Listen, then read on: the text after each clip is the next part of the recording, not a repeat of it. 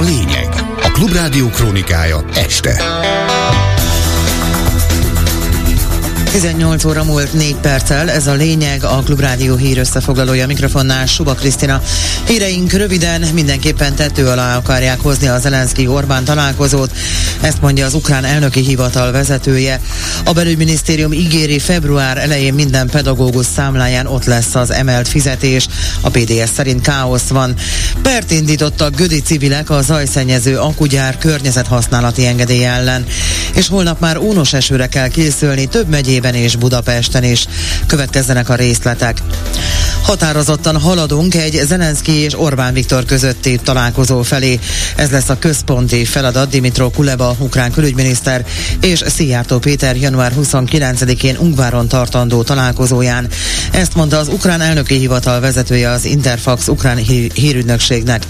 Utalt arra is, hogy hosszú és érzékeny témákat érintő találkozóra készülnek Kijevben. Két hete derült ki, hogy január 29-én Ungváron találkozik az ukrán és a magyar külügyminiszter, valamint az elnöki hivatal vezető, hogy tető alá hozzanak egy találkozót a magyar miniszterelnök és az ukrán elnök között. Erről a találkozóról még csak találgatások sincsenek, minden Ungváron derül majd ki. Magyarország továbbra sem fog részt venni az ukrajnai fegyverszállításban, ugyanakkor nem is gátolja meg, hogy más Európai Uniós tagállamok így tegyenek, de a kormány ennek semmilyen pénzügyi terhét nem hajlandó vállalni, közölte Szijjártó Péter külgazdasági és külügyminiszter Brüsszelben. Magyarország kimaradt a fegyverszállításokból eddig is, ugyanakkor a fegyverszállítások miatt ránk eső részt be kellett fizetnünk az európai békekeretbe, ugyanakkor megnevezhettük, hogy az milyen más célra költse az Európai Unió a fegyverszállításokon kívül. Szeretném jelezni, hogy ma a tanácson azt az álláspontot képviseltem, tehát Magyarország nem vesz részt a fegyverszállításban, másokat nem akadályozunk meg ebben, ugyanakkor semmilyen pénzügyi terhet nem vagyunk hajlandók viselni mások fegyverszállítása miatt. Úgyhogy ezt kértem, hogy vegyék figyelembe, ezzel próbáljanak meg főzni, a török parlament még ezen a héten megszavazza a Svédország NATO csatlakozását, közölte a Bloomberg el egy magasrangú kormányzati tisztviselő névtelenséget kérve. A török elnök pártja az országgyűlés jóváhagyását fogja kérni a svédek régóta várt tagságának ratifikálásához. A török jóváhagyás esetén Magyarország maradhatna a blokk északi bővítésének utolsó ellenzője. Bírósághoz fordult a Gödért Egyesület a Gödi Samsung gyár 10 évre szóló, december elején kiadott környezethasználati engedélye ügyében. A civil szervezet álláspontja szerint ugyanis az engedély kiadása jogsértő módon történt. Bodnár Zsuzsa, a Gödért Egyesület elnöke a Klubrádiónak azt mondta, a gyár környezetszennyezően működik, ezt a hatósági mérések is igazolják. Tény, hogy a gyár környezetszennyezően működik, ugyanis a hatósági zajmérések is igazolják, hogy nagyon durván meghaladja az éjjeli működése a megengedett zajhatárértéket. Tehát a jogi álláspontja szerint az Egyesületnek eleve nem lehetett volna kiadni úgy engedélyt, hogy a cég, a Samsung SDI nem biztosítja az előírt zajhatárszintet. Ugye a magyar törvények egyértelműen megfogalmazzák, egyébként pedig az Európai Parlament ipari kibocsátásokról szóló irányelve is megfogalmazza ezt a követ követelményt, a törvénysértő maga az engedély kiadása állítják a jogi képviselőjük szerint. Ez azt jelenti a következőkben, hogy a civilek azt kérik, hogy egy független igazságügyi környezetvédelmi szakértői anyag készülhessen, és addig sokkal szigorúbban járjon el a hatóság. Konkrétan a környezethasználatot ne engedélyezze a Samsung gyár számára, hiszen nem teljesíti a feltételeket. Alternatív közmeghallgatást, kezdeményezés, petíciót is indít a Sóskútra tervezett akkugyár újrahasznosító ellen az LMP. Csárdi Antal a párt országgyűlési képviselője szerint a helyi városvezetés nem áll ki az emberekért, és zöld beruházásként próbálják eladni a mérgező üzemet.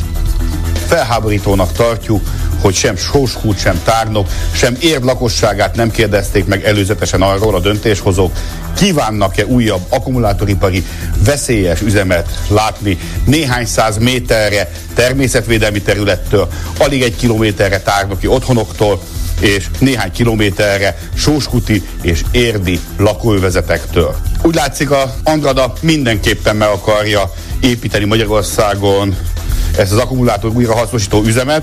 Gyaníthatóan azért itt, hogy ne saját hazájuk földjét, saját hazájuk levegőjét mérgezzék meg, és ne Szlovénia vízbázisát éljék fel, és energiáit használják el. Legkésőbb január 30-áig minden pedagógus megkapja a hivatalos értesítést az őt érintő béremelés pontos összegéről. Február elején pedig valamennyien a számlájukon fogják látni a megemelt fizetést. Ezt mondta a belügyminisztérium parlamenti államtitkára. Rétvári Bence közölte, hogy a mostani, a valaha volt legnagyobb fizetésemelés a magyar pedagógusok körében, hiszen 2022 és 25 között összesen 93,5 százalékkal nőnek a bérek. A döntés mintegy 140 ezer embert érint, jelezte hozzátéve. A folyamat nem áll meg, mivel a kormány 2030-ig vállalta, hogy a diplomás átlagbérrel együtt mozgatja a pedagógusok fizetését.